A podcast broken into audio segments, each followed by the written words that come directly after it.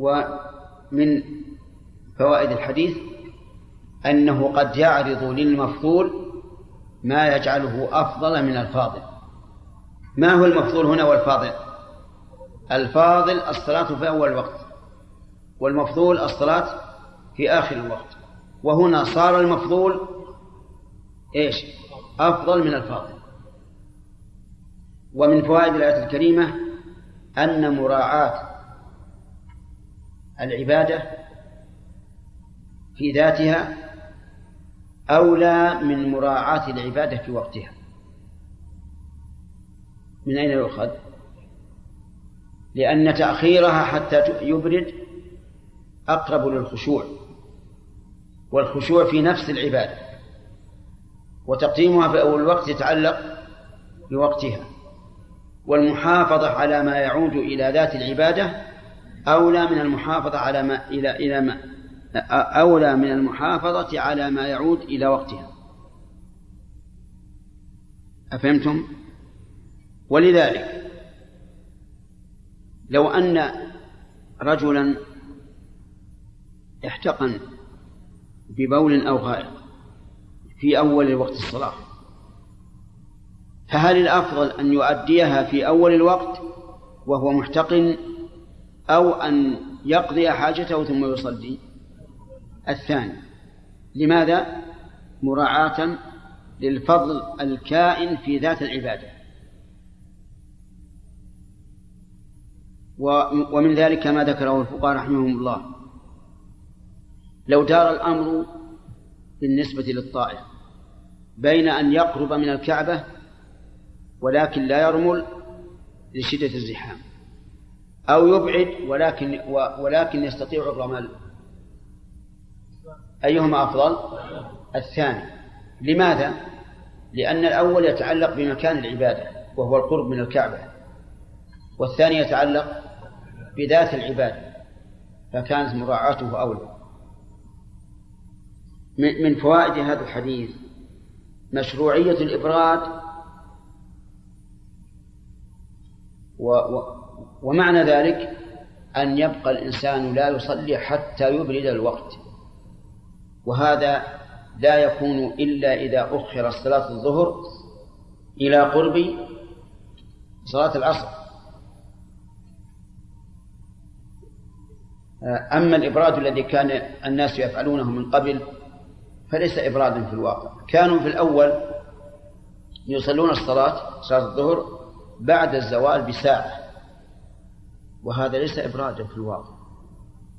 بل هذا زيادة زيادة حر ولذلك كان الذين يقيسون الطقس في أشد ما يكون برودة وحرارة يقيسونه بالحرارة بعد الزوال بساعة.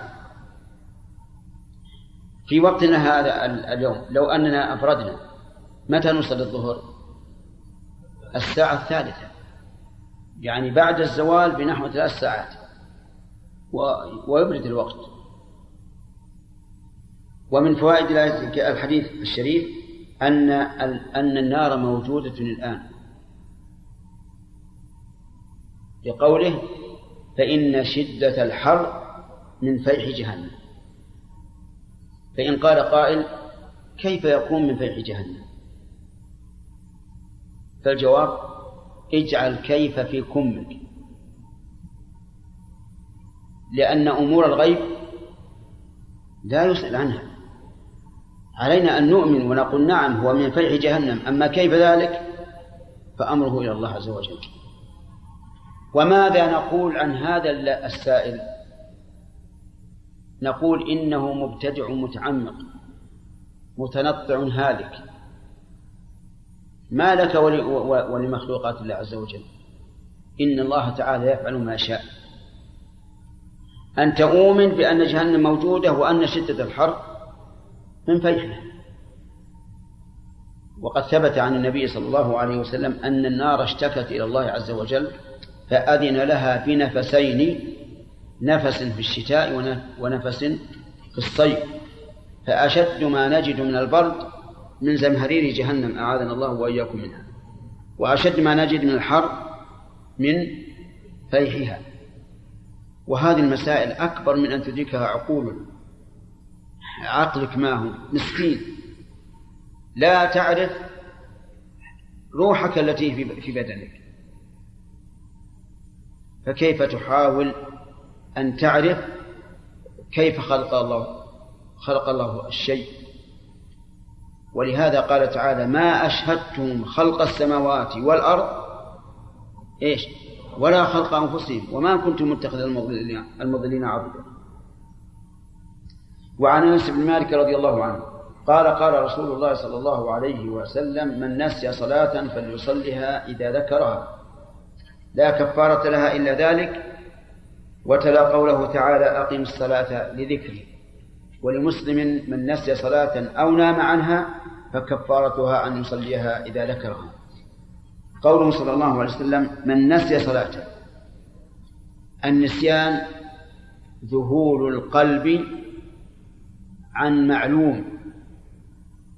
يعني غفلة القلب عما كان يعمل يعلمه. هذا النسيان. إذن فهو مسبوق بعلم أو لا؟ مسبوق بعلم. والجهل ليس مسبوقا بعلم. الجهل عدم العلم. لكن النسيان يكون بعد العلم. وقوله عن صلاة وقوله صلاة نكرة.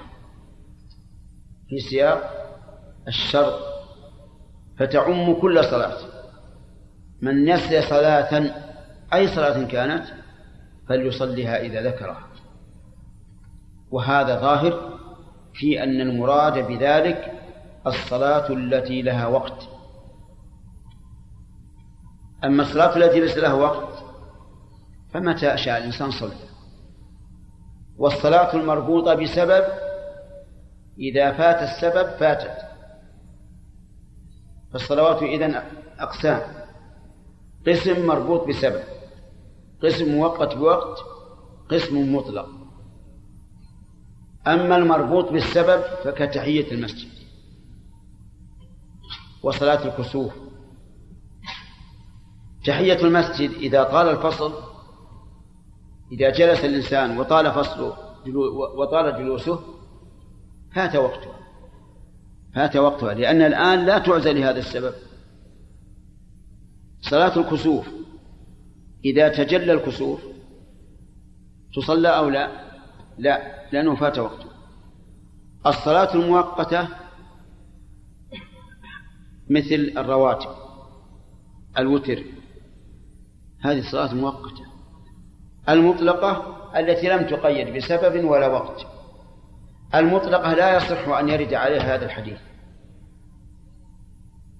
لماذا؟ لأنها مطلقة. صلها أي وقت شئت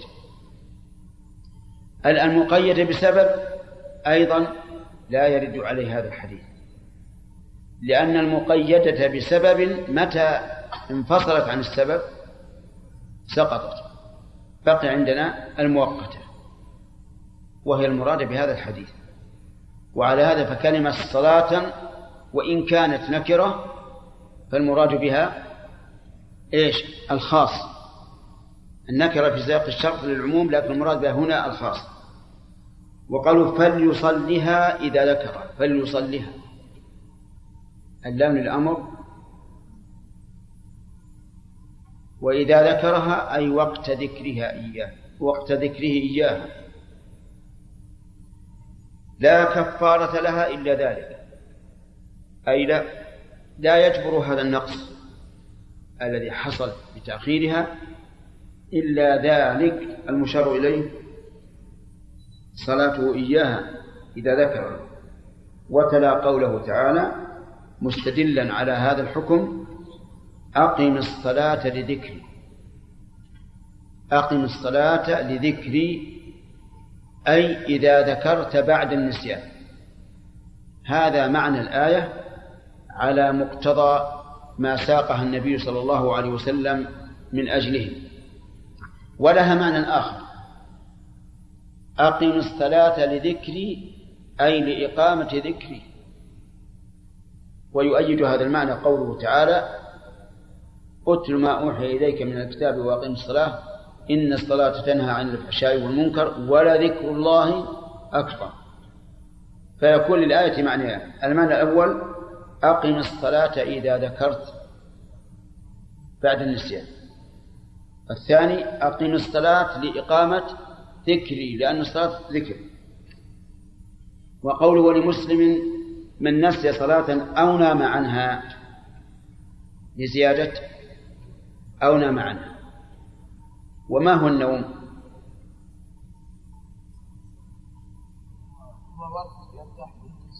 إيش؟ وقت لراحة الإنسان لا ما هو وقت راحة الإنسان الإنسان قد يضطجع على فراشه للراحة ولا ينام.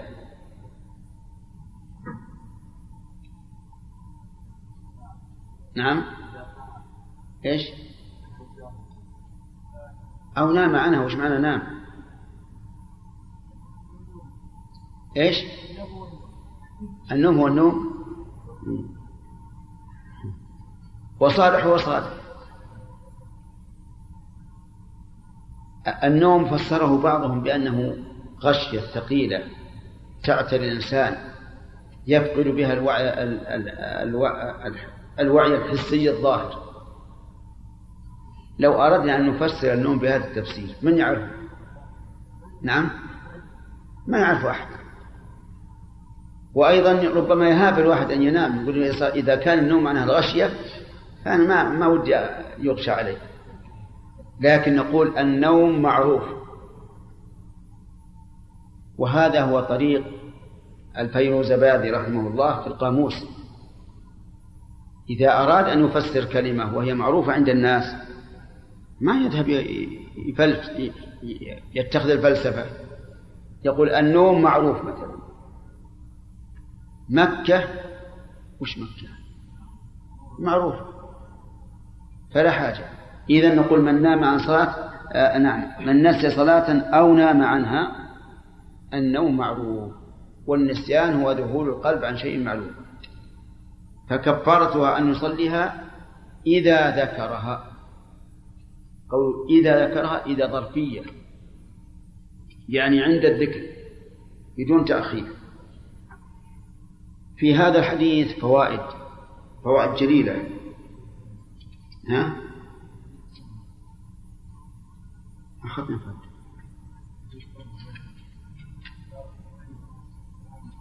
ها؟ كيف؟ وش اللي نسينا وش اللي خلينا ما وصلنا. اللي عندي الآن 143 وذاك 146 باقي حديثين. طيب. من فوائد هذا الحديث العذر بالنسيان في ترك المأمور. العذر بالنسيان. ومن فوائده أن ترك أن المأمور لا يسقط بنسيانه. المأمور لا يسقط بنسيانه. بل يطالب به إذا ذكر. والدليل الدليل واضح من يسأل صلاة أو نام عنها وبقية الفوائد إن شاء الله تأتي في الدرس القادم. اللهم هب لنا من لدنك رحمة انك انت الوهاب نعم. يا محمد محمد. قل يا شيخ بالخاء. يا شيخ أي لأني إذا قلت يا شيخ باللغة الدارجة عندك كأنك تقول يا شيخ. يا شيخ. نعم. لو تكلم الرجل وهو في الصلاة نعم. ناسي أنه في الصلاة. نعم. هل عليه سجود السهو آه، أحسن ليس عليه سجود السهو. لماذا؟ لأن السهو إنما يكون في أفعال الصلاة وأقوالها. أما ما ليس من جنسها فليس فيه السهو ما فيه إلا إبطال الصلاة أو عدم إبطال أفهمت؟ السهو إنما يكون فيما في شيء يتعلق بالصلاة. أما ما كان من غير أفعال الصلاة وأقوالها فهو إما يعني نبحث هل هو مبطل للصلاة أو غير مبطل. تمام؟ طيب. نعم.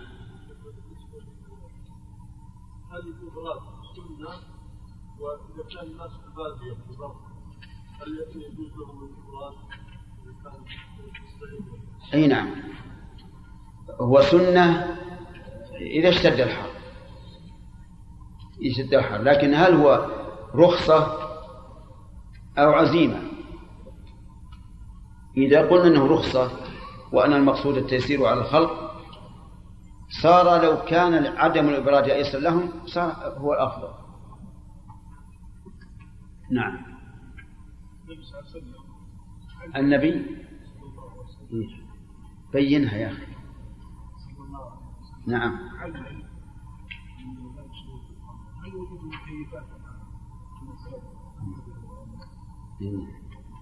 هذا سؤال جيد. يقول إن الرسول صلى الله عليه وعلى آله وسلم علل ذلك بأنه شدة بأن شدة الحر من فيح جهنم. هل يمكن أن نقول إنه سنة الآن مع وجود المكيفات في المساجد. نقول نعم هو سنة. لأن المكيف في المسجد والشارع ما في مكيف. نعم.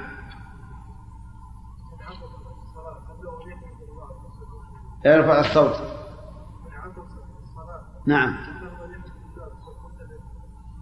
نعم من عطس في صلاته فإنه يسن له أن يحمد الله. يسن له لأن لأن الحمد ذكر مشروع في الصلاة في الجملة ليس كلاما وسببه موجود وجد. وكذلك أمر النبي عليه الصلاة والسلام إذا أصاب الإنسان وسواس في صلاته أن يدخل عن يساره ثلاث مرات ويستعيذ بالله من الشيطان الرجيم. ولما جاءه الشيطان يريد أن يلبس عليه صلاته قال ألعنك بلعنة الله؟ فما وجد سببه في الصلاة من ذكر فإنه يشرع. ولكن هل يدخل في ذلك إجابة المؤذن؟ يعني لو سمعت المؤذن وأنت تصلي هل تتابع المؤذن؟ يرى شيخ الإسلام ابن تيمية رحمه الله أنه سنة. ويقول أي فرق بينه وبين العطس؟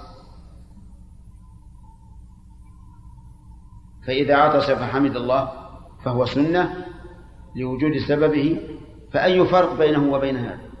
لكن يمكن أن نقول إن الفرق هو أن متابعة المؤذن طويلة فتشغلها عن صلاته. وقد قال النبي صلى الله عليه وعلى آله وسلم إن في الصلاة لشغلا بخلاف ما كان كلمة أو كلمتين فإنه لا يشغل نعم.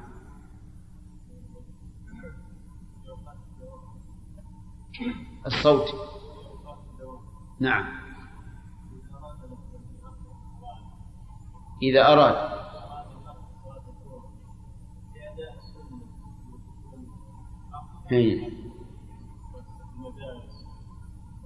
في أوقات الدوام بارك الله فيك إذا كانوا يصلون في مكانهم يصلي معهم. لأنه لو أخر لم يجد أحد يصلي معه. وهذا أيضا من من الملاحظة أنه لو قدر أن الإنسان لو أخر الصلاة لم يجد جماعة قلنا يجب عليك أن تقدمها تحصيلا للجماعة. نعم. أداء السنة يمكن يؤدي الصلاة حتى لو قدم. ما الذي يمنع؟ انتهى الوقت. طيب.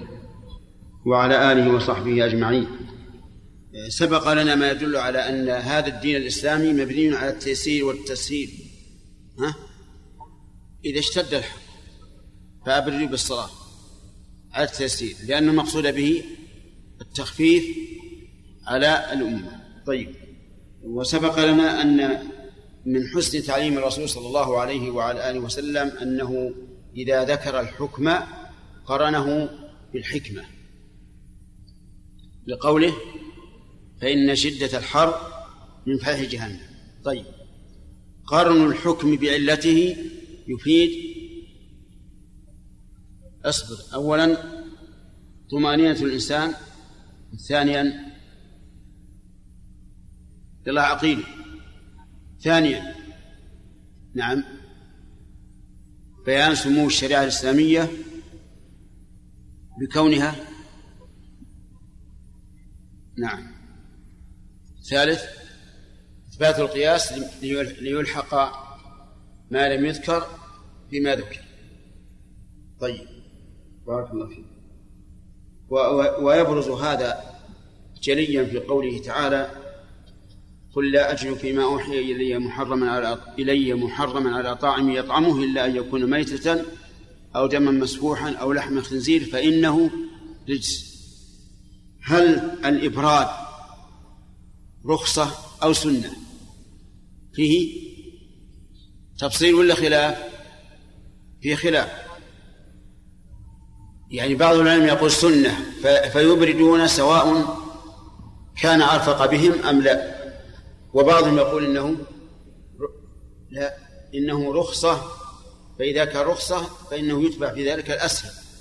إذا كان الأسهل عدم عدم الإبراد فإنهم لا يبردون. وذكرنا لكم أن هذا هو الأقرب. لكن الرسول صلى الله عليه وعلى آله وسلم بنى الحكم على الغالب لأنه إذا اشتد الحر فإن الإنسان الذي يصلي يجد صعوبة في الخشوع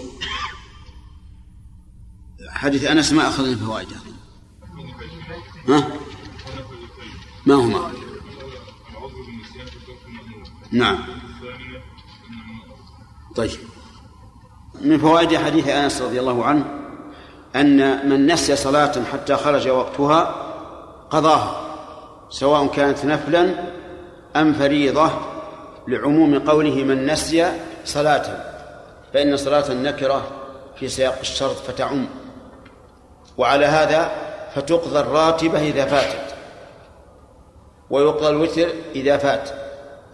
لكن الوتر يقضى ويجعل ويجعل شفعا. فمن فمن كان يوتر بثلاث قضى أربعا ومن كان يوتر بالسبع قضى ثمانيا وهكذا. لحديث عائشة رضي الله عنها أن النبي صلى الله عليه وسلم كان إذا غلبه وجع أو نوم صلى من النهار ثنتي عشرة ركعة لأن أكثر الوتر عند الرسول صلى الله عليه وسلم إحدى عشرة فيقضي اثنتي عشرة. ومن فوائد الحديث أنه يقضي الفائتة بصفتها لقوله فليصليها فليصليها. وعلى هذا فإذا قضى صلاة جهرية في في, في النهار جهر بالقراءة أو أسر جهر بالقراءة.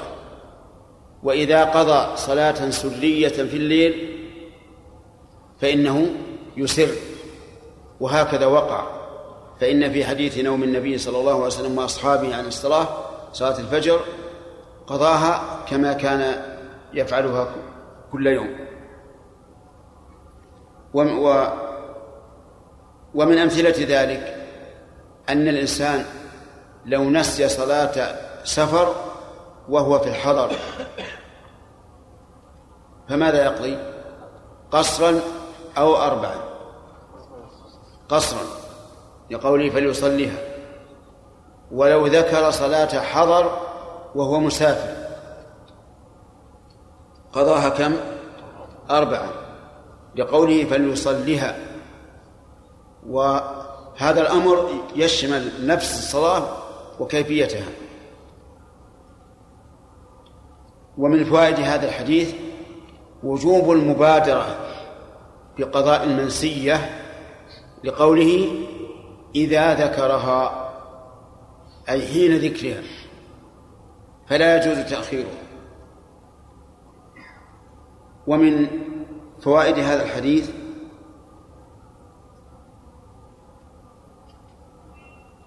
أن الكفارة قد تكون في أمر لا إثم فيه.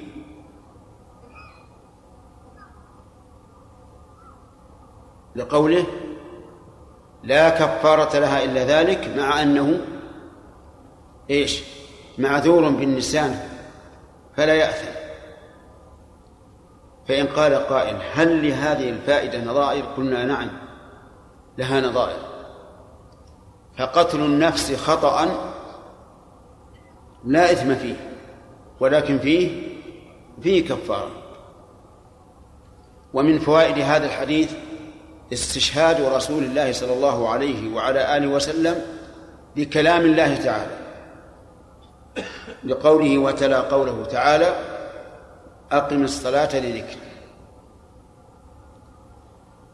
وهل يؤخذ منه أن الإنسان إذا استشهد بآية أو أتى بها دليلا على حكم مسألة فإنه لا يلزمه الاستعاذة بالله من الشيطان الرجيم؟ نعم ربما يستدل. لأن الاستعاذة هنا لم تذكر ولكن لقائل أن يقول لم تذكر لأنها معلومة أن الإنسان لا يتلو شيئا من القرآن إلا أمر بالاستعاذة.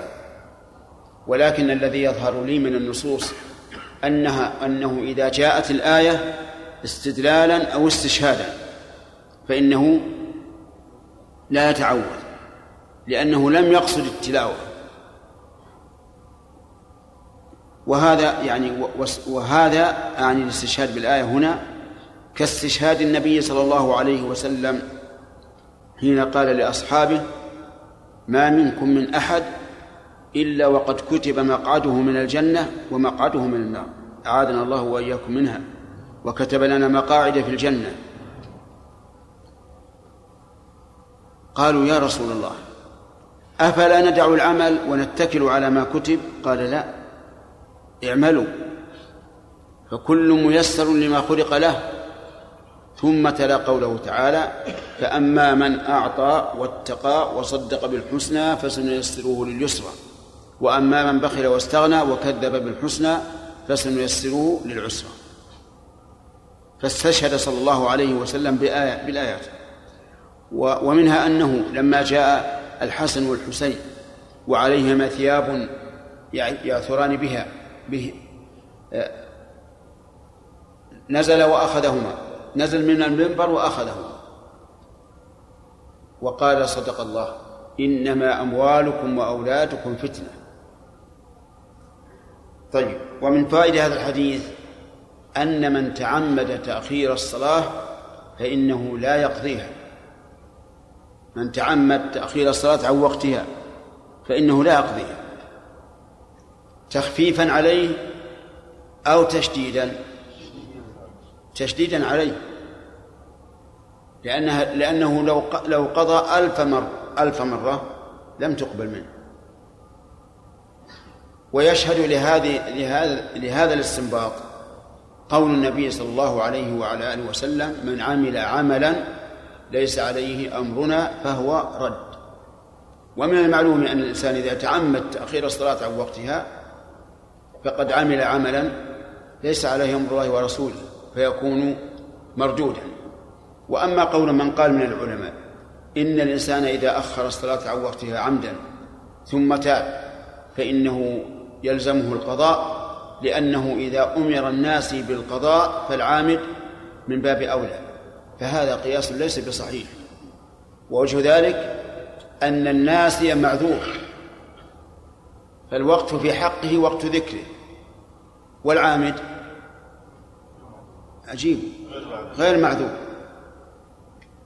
فيكفيه أن يتوب إلى الله. هذا ما لم نقل إن ترك صلاة واحدة حتى يخرج وقتها يكون كفرا. أما إذا قلنا بهذا القول فالأمر ظاهر. أنه يكفر ويعيد إسلامه من جديد.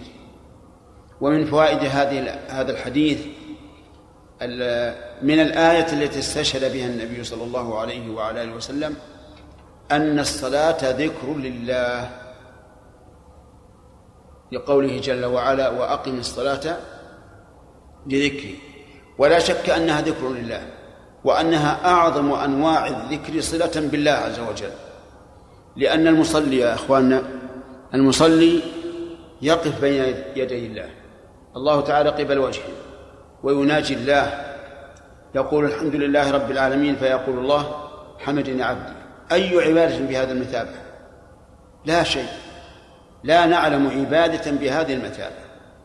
إذن فالصلاة أعظم أنواع الذكر لله عز وجل.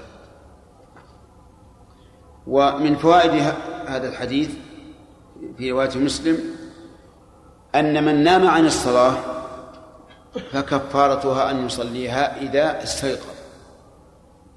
إذا نام عن الصلاة كفارتها أن يصليها إذا استيقظ. ولكن هل يعذر الإنسان بالنوم على كل حال؟ لا. إن فرط لم يعذر وإن لم يفرط عذر. فمثلا إذا سهر الإنسان ليله كله ثم لما قرب الفجر وكان قاب قوسين ذهب ينام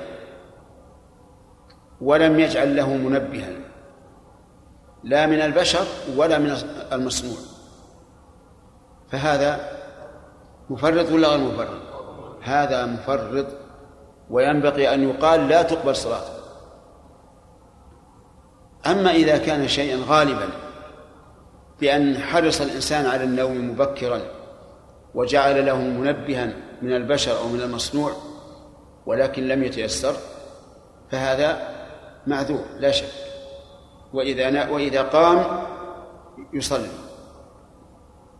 من الناس من لا يستيقظ أبدا إلا إذا أوقظ. لو ضربت عند أذنه صاروخا فإنه لا يستيقظ. هذا معذور. ومنهم صفوان بن معطل رضي الله عنه الذي تخلف عن الرسول صلى الله عليه وسلم في غزوة المريسيع ولم يستيقظ إلا بعد أن رحل القوم ثم رأى سوادا فدنا منه فإذا هي أم المؤمنين عائشة رضي الله عنها فهو من القوم الذين لا يستيقظون إلا إذا, لا يستيقظون بالإيقاظ فهل منكم أحد كذلك؟ ها.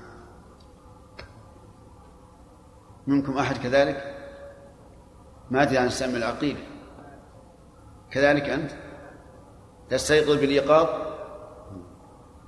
أي نعم صحيح أن الآن كلكم سكت ما عاد جعل الله أعلم بالسكوت هذا من ها من هو ها أحيانا. ما تستيقظ لو أوقظ.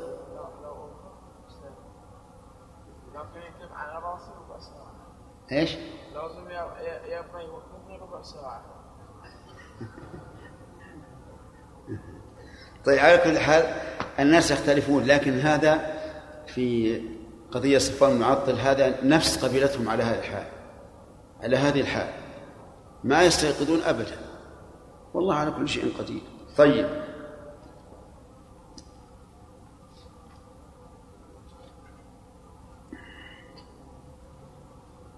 لو قال قائل هذا الحديث هل يمكن أن نجعله فردا من أفراد العموم في قوله تعالى ربنا لا تؤاخذنا إن نسينا وأخطأنا؟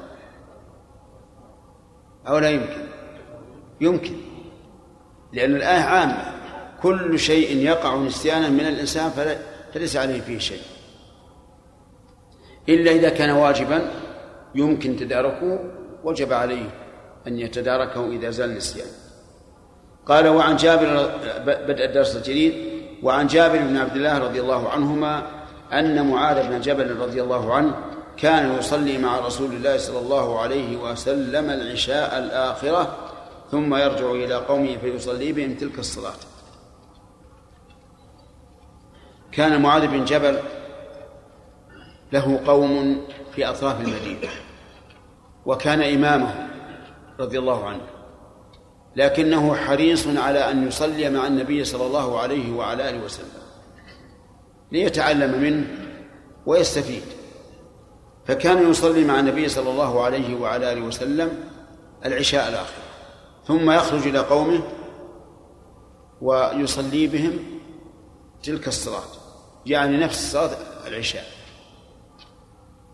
لأنه أحقهم بالإمامة. وفي ليلة من الليالي شرع في سورة طويلة. وكان وراءه رجل له حاجة. فلما رآه شرع في السورة الطويلة انصرف وصلى وحده فأخذ الناس به واتهموه بالنفاق. فجاء إلى النبي صلى الله عليه وسلم فأخبره. فدعا معاذ رضي الله عنه. دعاه النبي صلى الله عليه وسلم. فشدد عليه وأغلظ في القول. وقال له أتريد أن تكون فتانا؟ يعني أتريد أن تكون صادا عن سبيل الله؟ يتخلف الناس عن الصلاة من أجلك؟ ثم أرشده إلى أن يقرأ سبح اسم ربك الأعلى والليل إذا يغشى والشمس وضحاها وما أشبه ذلك. المهم أن معاذ رضي الله عنه كان يصلي مع النبي صلى الله عليه وسلم ثم يرجع إلى قومه فيصلي فيستفاد من هذا فوائد. منها أنه ينبغي أن يحرص الإنسان على الصلاة خلف أهل العلم. تؤخذ منين؟ من فعل معاذ رضي الله عنه. ولأن في الصلاة خلف أهل العلم فائدة وهي تعلم الكيفية المشروعة. وأريد بأهل العلم الذين هم أهل حقيقة وهم الذين يعملون به لأن من العلماء من عنده علم واسع لكنه لا يطبق. ولكني أقصد بالعلم بأهل العلم أهل العلم الذين هم أهل حقيقة الذين يعملون بما علموا فينبغي الإنسان أن يصلي خلفه. ولو بعدت مساجدهم نعم ولو بعدت مساجدهم إلا أن يكون في تخلفه عن مسجده مضرة عليه بحيث يتهم بأنه لا يصلي فهذا شيء آخر. أو يكون في ذلك آه، ضرر على أهل المسجد إذا رأوا هذا الرجل الكبير المعظم عندهم لا يصلي في المسجد تركوه. ومن فوائد الآية الكريمة أستغفر الله ومن فوائد الحديث حرص الصحابة رضي الله عنهم على تلقي العلم من رسول الله صلى الله عليه وعلى آله وسلم. لأن معاذا يحضر إلى الصلاة مع النبي صلى الله عليه وسلم ليتعلم منه. كيف يصلي ومن فوائد هذا الحديث جواز انتظار الإمام حتى يأتي ويصلي. لأن قوم معاذ ينتظرونه ولكن يجب على الإمام في هذه الحال أن يبين لهم أنه سيتأخر. حتى يكونوا على بصيرة وحتى لا يحصل منهم وشوشة. أين الإمام؟ أين الإمام؟ فإن تأخر الإمام من غير أن يعلمهم فهل يتقدم أحدهم ويصلي؟ الجواب لا. لا يجوز. إلا إذا كان قد أذن له بأن قال إذا تأخرت كذا وكذا من الدقائق فصلوا فإن لم يكن أذن فعليهم أن يراسلوه. يرسلوا من يدعوه. كما كان الصحابة رضي الله عنهم إذا تأخر الرسول صلى الله عليه وسلم جاءوا إلى البيت. يعلمونه أن بالصلاة.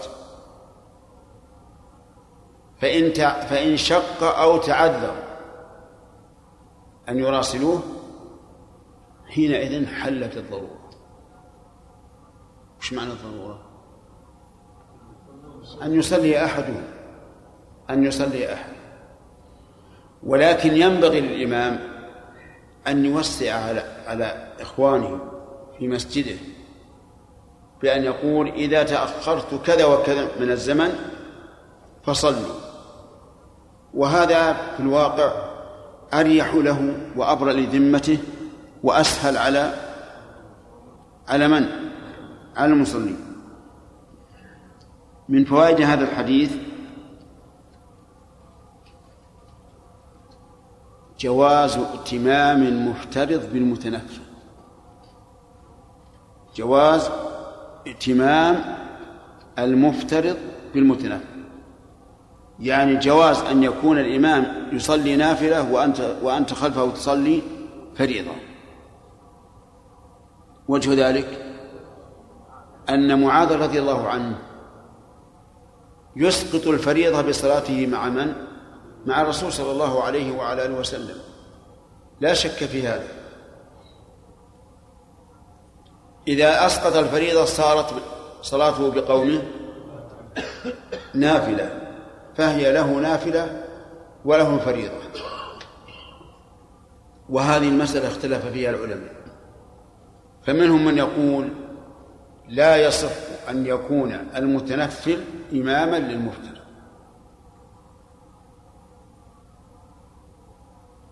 لأن صلاة المفترض أعلى من صلاة المتنفل ولا يمكن أن يكون الأدنى إماما للأعلى. واضح؟ لعله واضح ولا غير واضح؟ أيهما أعلى النفل أو الفرض؟ الفرض. إذا كان المأموم مفترضا والإمام متنفلا. لازم من ذلك أن يكون الأدنى إيش؟ إماما للأعلى. فلا يصح. هذا قياس ونظر لكن لدينا أثر. والأثر في الأمور الشرعية والعقدية مقدم على إيش؟ على النظر. فمعاذ رضي الله عنه يصلي مع النبي صلى الله عليه وعلى آله وسلم ثم يرجع إلى قوم فيصلي. بهم أجابوا عن هذا الحديث. قالوا لعل النبي صلى الله عليه وسلم لم يعلم. انتبهوا يا جماعة الجواب الهش الذي لا تثبت عليه رجل الطائر. قالوا لعل النبي صلى الله عليه وسلم لم يعلم به. سبحان الله. لم يعلم به النبي عليه الصلاة والسلام والقضية وقعت على يده أنه كان يطيل الصلاة بهم. قالوا نعم. هل عندكم علم أن الرسول رآه في مسجده يصلي معه؟ ما عندنا علم. لكن مثل هذا لا يخفى. ثم على فرض التنزل مع الخصم والتسليم له أن الرسول صلى الله عليه وسلم لم يعلم به فالله تعالى علم علم به. يستطيعون أن يقولوا لا؟ لا ناس أجيب والله أنهم أنتم جوابكم هش مش. لا يستطيعون. لا أحد ينكر علم الله. حتى القدرية الذين هم من أخبث الناس رأيا في هذا الموضوع يقولون إذا وقع الشيء علم الله به. فنقول إذا كان الرسول عليه الصلاة والسلام لم يعلم به وتنزلنا معكم جدلا فالله تعالى علم به. ولو كان أمرا منكرا لبينه الله عز وجل. لأن الله تعالى يبين الأمر المنكر الذي يخفى على الصحابة. كما في قوله تعالى يستخفون من الناس ولا يستخفون من الله وهو معهم إذ يبيتون ما لا يرضى من القول. من يدري عنهم؟ لا أحد يدري إلا الله عز وجل فأعلم الله بهم. فلو كان فعل معاذ خلاف شرع الله لبينه الله عز وجل. إذ لا يمكن لأحد أن يفعل عبادة على وجه لا يرضاها الله إلا بينه الله عز وجل. فبطلت حجته. وصار القول بجواز صلاة المفترض خلف المتنبي المتنفل قولا مفروضا. لا بد منه.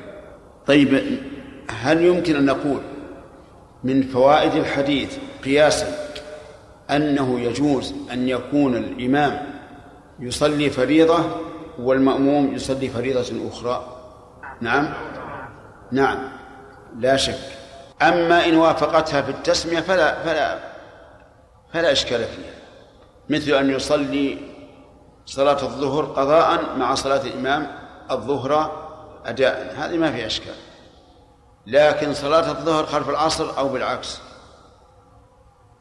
نقول الحديث يدل على الجواز. لأنه إذا جاز أن يصلي المفترض خلف المتنفل فجواز من يصلي صلاة خلف من يصلي صلاة أخرى من باب أولى لأن كلي لأن كليهما فريضة. فإن قيل هذا مع اتفاق الأفعال واضح كصلاة الظهر خلف العصر أو العصر خلف الظهر أو العصر خلف العشاء واضح. لكن إذا اختلفت الأفعال إذا اختلفت الأفعال فإن كانت صلاة المأموم أكثر فلا شك في الجواز. كما لو صلى الظهر خلف من يصلي الفجر أو العشاء خلف من يصلي الفجر. هذا لا شك في جوازه لأنه لا يخالف الإمام وإذا آه، سلم الإمام قام قام يقضي ما فاته ولا إشكال. لكن إذا كانت تختلف في الأفعال عن صلاة المأموم فإن كانت صلاة المأموم أدنى يعني أقل عددا والصلاة واحدة لزم المأموم أن أن يتابع الإمام. كمسافر صلى خلف مقيم. صلاة الظهر. فيلزمه أي المسافر أن يتم. وأما إذا كانت صلاة المأموم أدنى من صلاة الإمام لكنها فرض آخر. كما لو صلى المغرب خلف من يصلي العشاء. فماذا يصل نقول إن دخل مع الإمام في الثانية فما بعدها؟ فلا إشكال. إن دخل في الثانية متى يسلم؟ مع الإمام. في الثالثة يقضي بعده ركعة. وإن دخل معه في أول الصلاة فهنا يقع الإشكال. لأن الإمام سوف يصلي أربعا وفرض هذا ثلاث. فماذا يصنع؟ نقول يفارق الإمام. إذا قام الإمام إلى الرابعة فارقه المأموم وتشهد وسلم ثم قام ليصلي مع الإمام ما بقي من صلاة العشاء.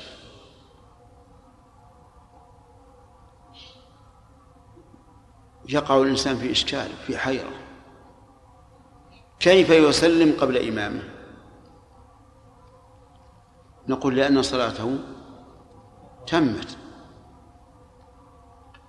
والانفراد عن الإمام من العلماء من أجازه ولو بلا عذر كالشافعية مثلا. الشافعية رحمهم الله يجيزون للمأموم أن ينفرد ولو بلا عذر. وعند الحنابلة يجوز للمأموم أن ينفرد لعذر كتطويل الإمام وكأن يحتبس بول المأموم أو يلحقه غازات أو يتهيأ للتقيؤ. ففي هذه الحال يجوز أن ينفرد. وهذا عذر حسي. الانفراد عن الإمام للعذر الشرعي كالانفراد عن الإمام للعذر الحسي فنقول هذا الذي يصلي المغرب خلف صلاة العشاء ويقوم الإمام للرابعة نقول انفراده الآن لا بد منه. أو على الأقل جلوسه لا بد منه. لكن نقول انفرد لأجل أن تدرك ما بقي من صلاة العشاء. وهذا الذي قررناه هو اختيار شيخ الإسلام ابن تيمية رحمه الله. وهو الصواب لأنه ليس في النصوص ما يدل على منعه. وقد فعلنا ذلك نحن مرة في المسجد النبوي. دخلنا معهم في صلاة العشاء ونحن نريد أن نصلي المغرب. فلما قام إلى الرابعة جلسنا وتشهدنا وسلمنا ودخلنا معه فيما بقي نعم. انتهى درس الحديث. نعم. إذا صلى مسافر خلف مقيم ولكن أدرك الأخير. نعم. أي. لا يصلي أربعا في التشهد الأخير. لقول لعموم قوله ما أدركتم فصلوا وما فاتكم فأتموا.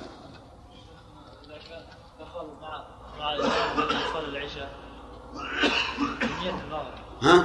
بنية المغرب وجلس في عندما يقوم الإمام للرابعة جلس تشهد وسلم يعني يجوز له إدراك صلاة الجماعة العشاء أيضا. يعني بقي الإمام يصلي الركعة الرابعة. أدرك الركوع أو لا؟ إيه لما لما لما جلس وتشهد وسلم وقام مع الإمام لصلاة العشاء أدرك الركوع. قد يدركه وقد لا إن لم يدرك الركوع لم يدرك الصلاة. لكن يد- يدخل مع الجماعة؟ يدخل معه. نعم.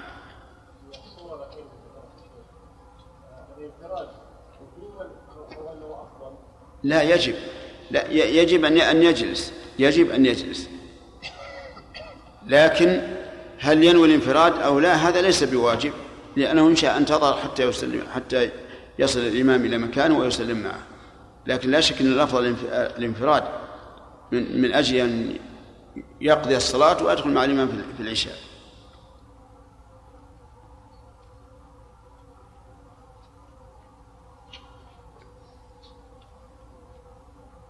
هذا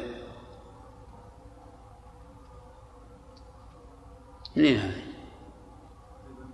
ها؟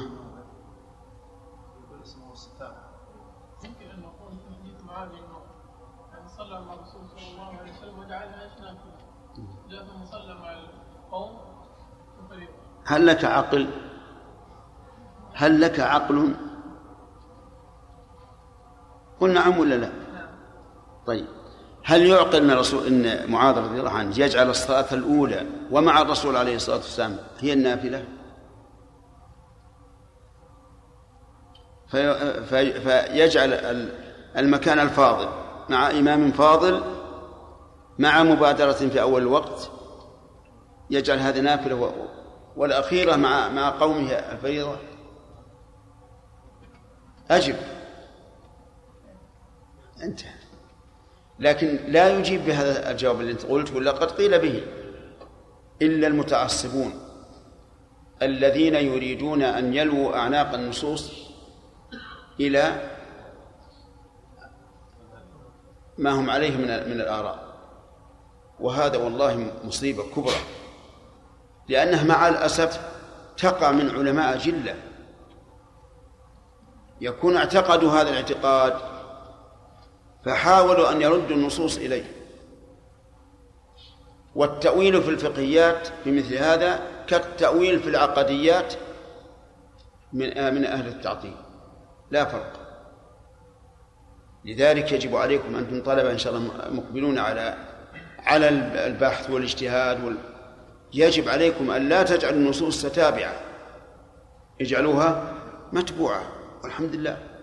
أنتم لا يمكن أن تحاسبوا يوم القيامة إلا على ما ظهر لكم من من النصوص. وأما مسألة أني بأجيب بجواب غير معقول دفعا للمضايقات الجدلية والخصومات فهذا طريق أهل الجدل والكلام. انتهى الوقت؟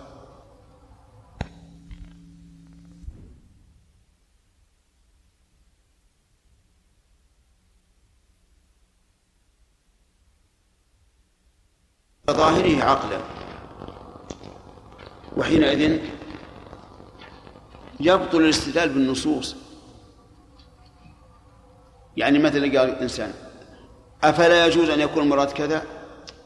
سبحان الله أي فرض عقلي يخالف ظاهر النص لا لا تعتمده.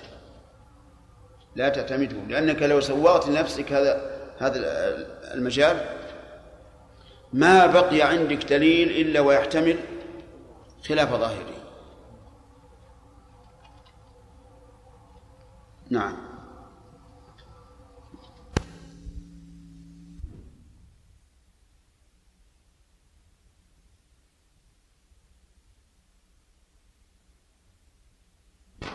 أن من نسي صلاة فإنه يصليها إذا ذكر فمن تعمد تأخير الصلاة بلا عذر.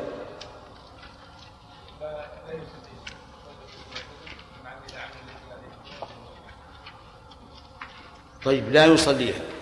واستدلت بقوله من عمل عملا طيب ما دليلك من هذا الحديث على أنه ينهى أن يصليها؟ ما يخالف. فتكون مردودة لكن ما دليلك على المنهي عنها؟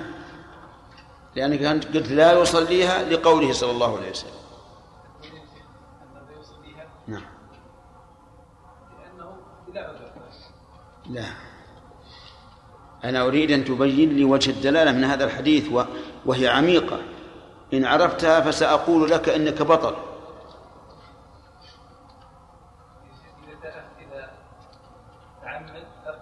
تعمد ترك الصلاة حتى خرج وقتها بلا عذر. قلت إنه لا يصليها. ثم استدلتها بقوله صلى الله عليه وسلم من عمل عملا ليس عليه أمرنا فهو رد. أنا أريد أن تبين وجه السالب من الحديث والأدلة واضحة. يلا وليد. إذا ذكرها ولم يقل أنا أريد وجه الاستدلال لأن الوجه الاستدلال إذا إذا عرف فالذي يعرفه جيد وفاهم. هو يستدل بحديث عائشة من عمل عمل ليس عليه أمره فهو رد على أنه لا يصليها. أنا أريد وجه الاستدلال بالحديث. إي نعم بهذا الحديث مو اللي معنا. إي هذه. ولو تأخرنا لكن إذا استطعتم أن تفهموا وجه الدلالة سينفتح لكم آه، أشياء كثيرة. يلا يعني أن ليس من أمر النبي صلى الله عليه وسلم أن يفتح في صلاة عامدا لكن ما وجه الاستدلال على أنه لا يصليها لا نافية أو ناهية نعم. آخر واحد وهو الثالث يلا. ارفع يدك. نعم.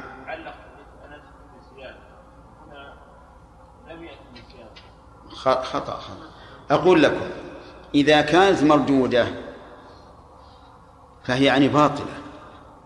وإذا صلى صلاة وهي باطلة صار متلاعبا. صار متلاعبا. فلذلك ينهى عنه. كل شيء باطل من معاملات أو عبادات إذا مارسه الإنسان فهو كالمستهزئ. حتى إن بعض العلماء قال إذا وهو مذهب أبي حنيفة إذا صلى الإنسان محدثا عمدا فهو مرتد. وجعل هذا من باب الاستهزاء. فهذا وجه الدلالة.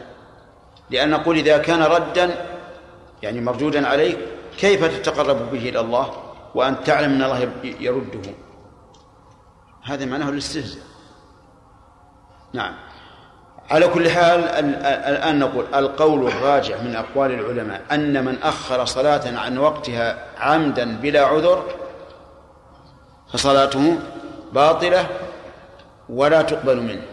طيب. إذا قال قائل إذا كان الناسي والنائم يقضيان الصلاة وهما معذوران أفلا نقول إنه من باب أولى من أخرها بلا عذر؟ نعم أنت. لا نقوله. نعم لماذا؟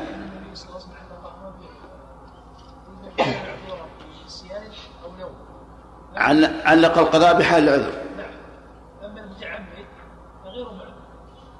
وقد قال من عمل عملا فهو رد. فنقول مثلا هل الذي تعمد أن يؤخر الصلاة حتى خرج وقتها هل عمل عملا عليه أمر الله ورسوله؟ سيقول لا. إذن هو مردود. وإذا كان مردودا فما الفائدة؟ طيب. نأخذ درس جديد. حديث معا... جابر أخذناه. من أهم ما يكون في حديث معاذ بن جبل رضي الله عنه من نعم حديث جابر في قصة معاذ من أهم ما يكون. نعم. جواز جواز أن يكون المتنفل إماما للمفترض أن يكون المتنفل إماما للمفترض. نعم. وهذا معركة بين العلماء والصحيح ما دل عليه الحديث. كذا تكلف بعض الناس في رد الحديث حتى يكون موافقا لمذهبه وقال لعل معاذا يري- يريد النافلة مع الرسول والفريضة مع قومه. فما مدى هذا؟ يقول كيف يترك معاذ الصلاة مع خير البشر؟ الله عليه وآله وسلم في أفضل مكان في أفضل جماعة فتكون صلاته نافلة ثم يصلي فرضا مع فرض نعم. نقول هذا قول لا وجه له بل هو باطل. إذ كيف يجعل معاذ؟ الصلاة خلف الرسول عليه الصلاة والسلام. في أفضل بقعة من المساجد سوى المسجد الحرام. ومع أش- أشرف جماعة يجعلها النافلة ويجعل الفريضة مع قومه. وكيف يترك آه، هذا الفضل العظيم لأجل أن ينوي الفريضة في قومه. هذا باطل وبعيد. ولا يليق بمن هو أدنى من معاذ. فكيف بمعاذ الذي أخبر الرسول أنه يبعث يوم القيامة أمة وحده؟ طيب. ثم نأخذ الدرس الجديد عن أنس بن مالك رضي الله عنه قال كنا نصلي مع رسول الله صلى الله عليه وسلم في شدة الحر. قوله في شدة الحر هل المراد شدة حر النهار أو شدة حر الفصول؟ نعم الظاهر الثاني. لأن الشتاء وإن كان في شدة حر النهار لا يحتاج فيه الإنسان أن يضع آه، ثوبه على على الأرض. لأنها لو حتى في عز حرارة الجو في النهار أيام الشتاء هل تشق يشق السجود على الأرض؟ عجيب لا إذا يتعين أن يكون معنى قوله في شدة الحر حر إيش؟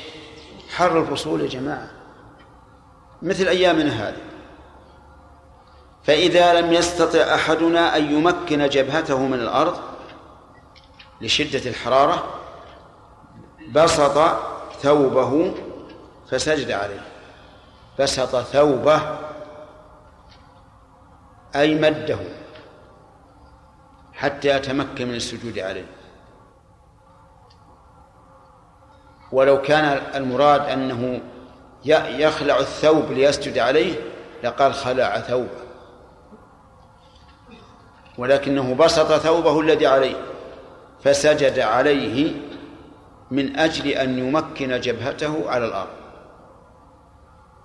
ففي هذا الحديث فوائد منها أنه لا يعذر الإنسان بترك الجماعة لشدة الحر لأن الصحابة لم يتركوا الصلاة في شدة الحر مع رسول الله صلى الله عليه وسلم. نعم لو فرضنا أن هناك مرضا في الإنسان لا يستطيع إطلاقا أن يصلي في شدة الحر فهذا يعذر لعذره الخاص لأن بعض الناس لا يتحمل الحر أبدا. ولو قام يصلي بالحر انكتم ولم يأتي ولم يأتي بالصلاة على الوجه المطلوب. ومن فوائد هذا الحديث أنه لا يسن الإبراد لأن الصحابة يتقون الحر ومع ذلك لم يبرد الرسول صلى الله عليه وسلم. انتبهوا لهذا. هل يتعين ما ذكر؟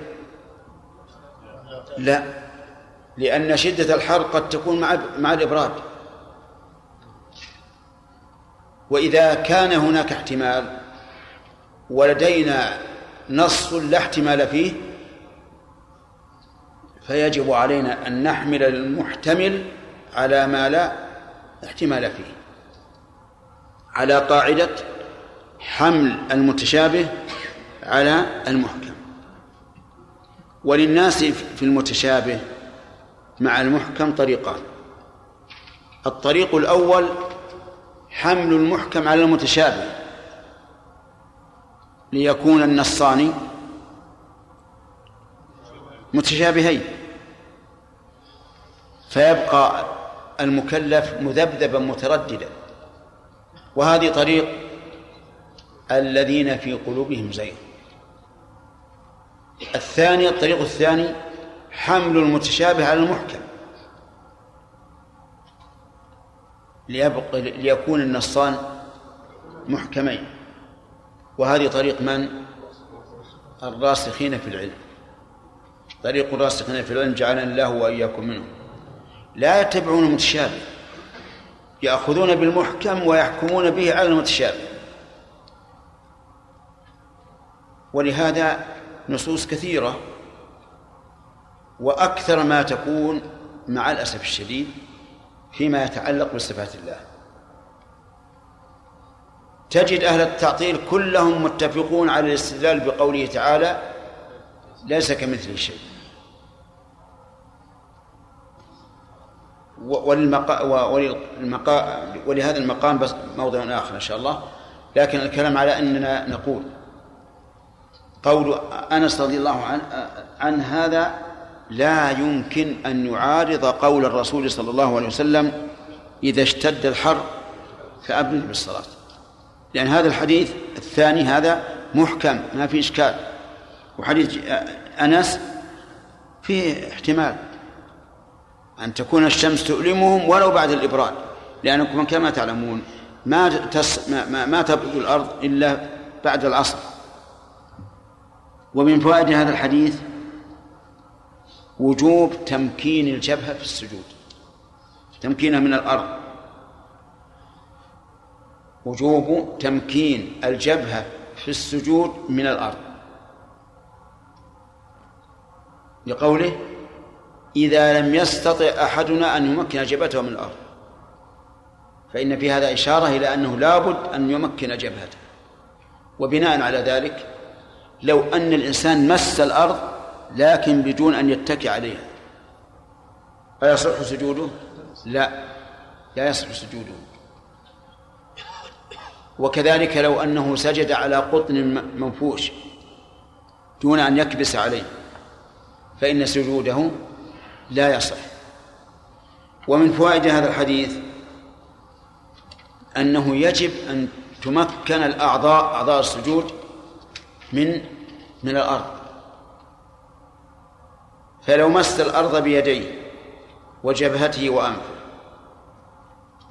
وركبتيه أو ما يمكن. الركبتين لا بد يعتمد عليه. لكن أطراف القدمين يمكن فإنه لا يجزي لا بد من التمكين. هل يؤخذ من هذا أنه إذا لم يستطع الإنسان أن يمكن جبهته من الأرض سقط عنه بقية سقط عنه وجوب السجود على بقية الأعضاء. أخذ بعض العلماء ذلك من هذا الحديث وقال إن الأصل في السجود هو الجبهة. فإذا عجز سقط عنه بقية الأعضاء. لكن هذا القول ليس بصحيح. لعموم قول الله تعالى فاتقوا الله ما استطعتم. والإنسان يمكنه أن أن يدن أن يدنو من الأرض كثيرا حتى يظنه الإنسان ساجدا على الأرض. ويمكن يديه وقدمي وأطراف القدمين من من السجود. نعم لو فرض أنه لا يتمكن من الدنو من الأرض وأنه لا يتمكن من الوصول إلى حد يكون فيه إلى السجود أقرب منه إلى الجلوس. فحينئذ نقول يسقط. مثلا الآن ما يستطيع يقول أكثر من كذا. هل نقول حط يديك؟ ما ينفع. لو لو وضع يديه. لأنه ليس بساجد. هو الآن جالس. لكن لو كان يستطيع هكذا. نقول ضع يديك؟ نعم. لأنه قريب من السجود. فصار القول في هذا بالتفصيل. إذا كان بحيث يدنو من السجود وجب عليه السجود على ما يستطيع من من أعضاء السجود. وإذا كان لا يمكن أن يقرب من السجود سقط عنه. ووجب عليه إيش؟ الإيمان ومن فوائد هذا الحديث جواز السجود على متصل بالساجد. جواز السجود على متصل بالساجد. من أين تؤخذ الشاطر المهم تؤخذ من قول بسط الثوب. كذا؟ وجه الدلالة. الآن نطالبك باللي أنت قلت. فأضافه إلى نفسه. ثوبه ولم يقل بسط ثوبا. كذا؟ طيب. إذن يؤخذ منه جواز السجود على متصل بالساجد. ولكن هل هو جائز على كل حال؟ لا لأن الحديث الوارد فيما إذا عجز عن تمكين جبهته من الأرض. فإن لم يعجز فقال أهل العلم إن السجود على المتصل به مكروه. السجود على المتصل به مكروه. مثاله الأخ اللي وراء العمود. ارفع يدك. لا اللي وراء أي نعم. أجب إيش؟ السؤال.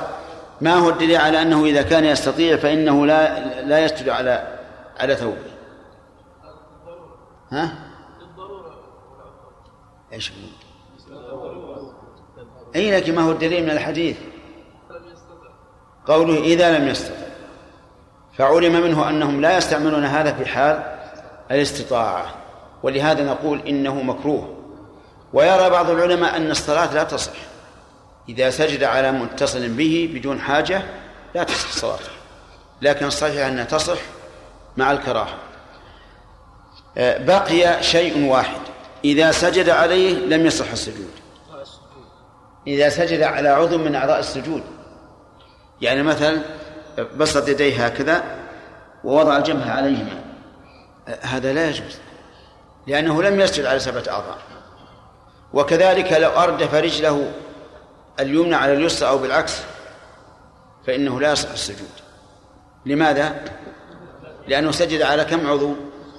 ستة أعضاء طيب فإن سجد على حائل منفصل فهو جائز. فهو جائز. وعليه نقول إن السجود على الحائل ينقسم إلى ثلاثة أقسام. حائل يمنع صحة السجود. حائل يمنع كمال السجود. حائل لا بأس به.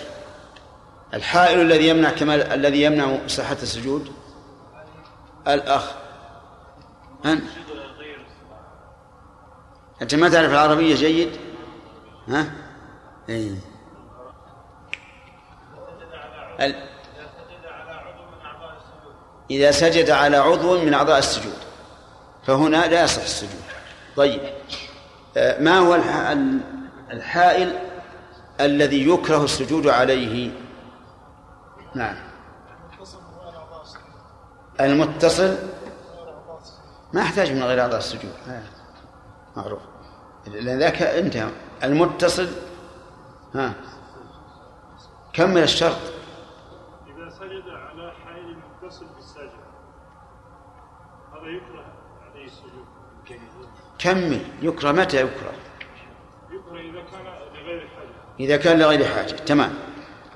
فإن كان لحاجة جائز. ما هو الحائل الذي يجوز بكل حال؟ أي نعم. نعم الحائل الذي ليس بالمتصل مثاله؟ لا السجادة مصلى كامل. من قدميه إلى إلى جبهته لو وضع منديلا يتسع لجبهته ويديه فقط. هذا جائز ولا أشك ولا وليس فيه بأس. لأنه ثبت عن النبي صلى الله عليه وعلى آله وسلم أنه سجد على إيش؟ على الخمرة. بارك الله فيك. من فوائد هذا الحديث مشروعية صلاة الجماعة. بقوله كنا نصلي مع النبي. والأصل فيما فعله النبي صلى الله عليه وسلم في العبادات إيش؟ لا المشروعية أنه مشروع وعن أبي هريرة رضي الله عنه قال قال رسول الله صلى الله عليه وسلم لا يصلي أحدكم في الثوب الواحد ليس على عاتقه منه شيء عندي لا يصلي بالياء وهذا يقتضي أن تكون لا نافية وليست ناهية لأنه لو كانت ناهية لحذفت الياء لكن النفي هنا بمعنى النهي. قال علماء البلاغة وإذا جاء النفي بمعنى النهي صار أوكد لأنه يقتضي أن يكون هذا الشيء معلوم الانتفاء فوقع منفيا. لا منهيا عنه. وقوله في الثوب الواحد ليس المراد القميص لأن القميص لا بد أن يكون عليه على عاتقه شيء منه. المراد بالثوب الواحد يعني القطعة الواحدة ليس على عاتقه منه شيء. وهذا إذا أمكن أن يستر العاتق به. أما إذا لم يمكن كالإزار وحده فلا يدخل في هذا لأن الإزار وحده لا يمكن أن يكون على العاتق منه شيء. فصار لدينا شيئان معلومان. أولا القميص فلا يدخل في هذا في هذا الحديث. لماذا؟ لأنه لا بد أن يكون عليه أن يكون العاتقان مستورين. والثاني الإزار لأنه لا يمكن أن يكون الإزار ساترا للمنكبين. كيف يستر فهذان خرجا من الحديث. بقينا في ثوب يمكن أن يستر العورة مع مع كونه رداء. كالثوب الذي يلتحف به. يستر به جميع البدن وهذا وارد واقع. فهنا يقول عليه الصلاة والسلام لا يصلي أحدكم في الثوب الواحد ليس على عاتقه منه شيء. العاتق ما بين أصل العنق والكتف ورأس الكتف. ما بين أصل العنق ورأس الكتف. هذا العاتق تمام؟ المسه لنا محمد خليل. المسه لنا. أشوف. هذا؟ ما بين أصل العنق. ما بين أصل العنق ورأس الكتف. هذا. هذا اللي عند الأذن. لا شيخ لا. ها؟ لا تفتح يدك حط اصبع اصبع واحد. ضعه عليه.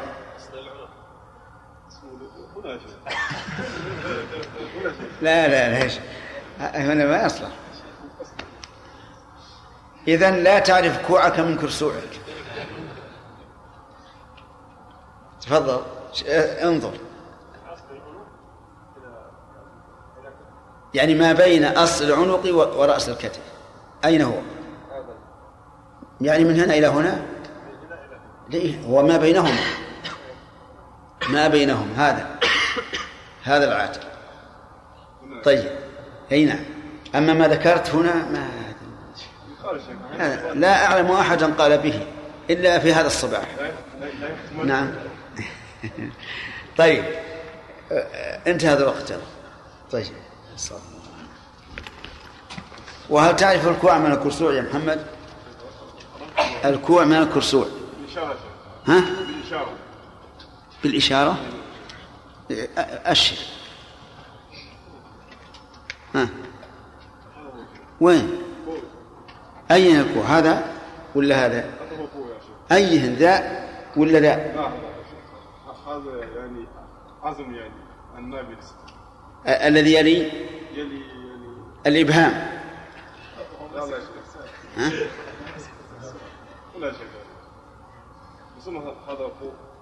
اسمع قول قول الناظم. وعظم يلي الإبهام كوع وما يلي لخنصره الكرسوع والرسغ ما وسط. عظم يلي الإبهام كوع وما يلي هذا الشطر الأول. لخنصره الكرسوع والرسغ ما وسط. يعني ما بينهما. فهمت؟ آه، اضبط البيت هذا على شيء. أي واحد يقول لك الكروع والكرسوع آه، اقرأ عليه البيت. إن شاء الله. طيب. عندنا الآن؟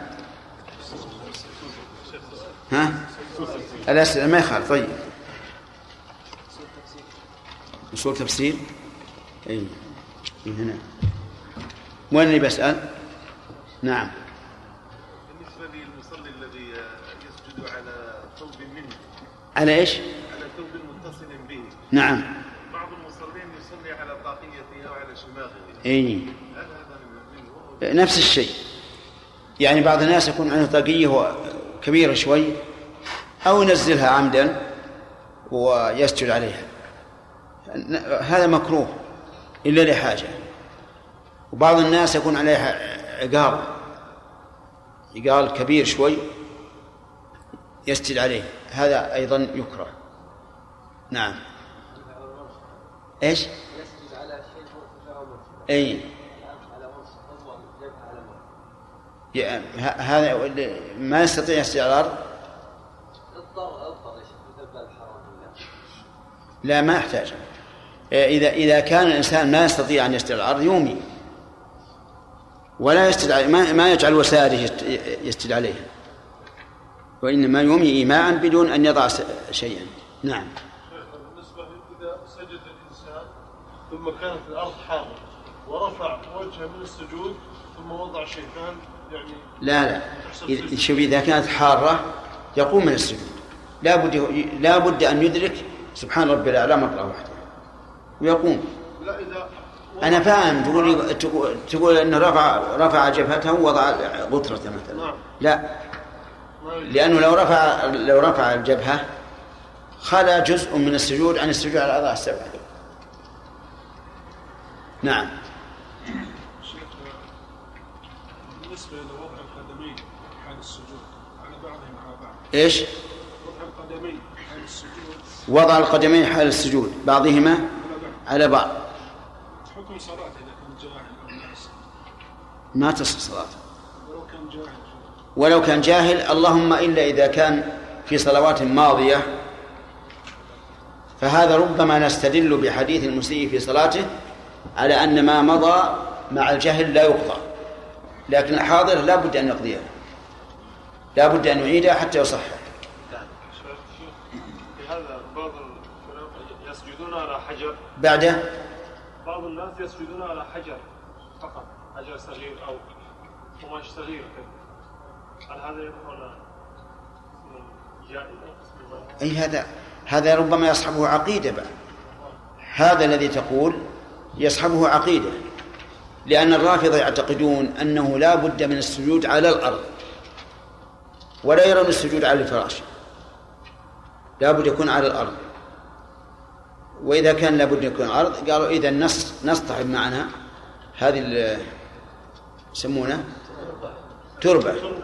هذه عاد عقي- عقيدة ثالث ثا- ثالثة أو ثانية.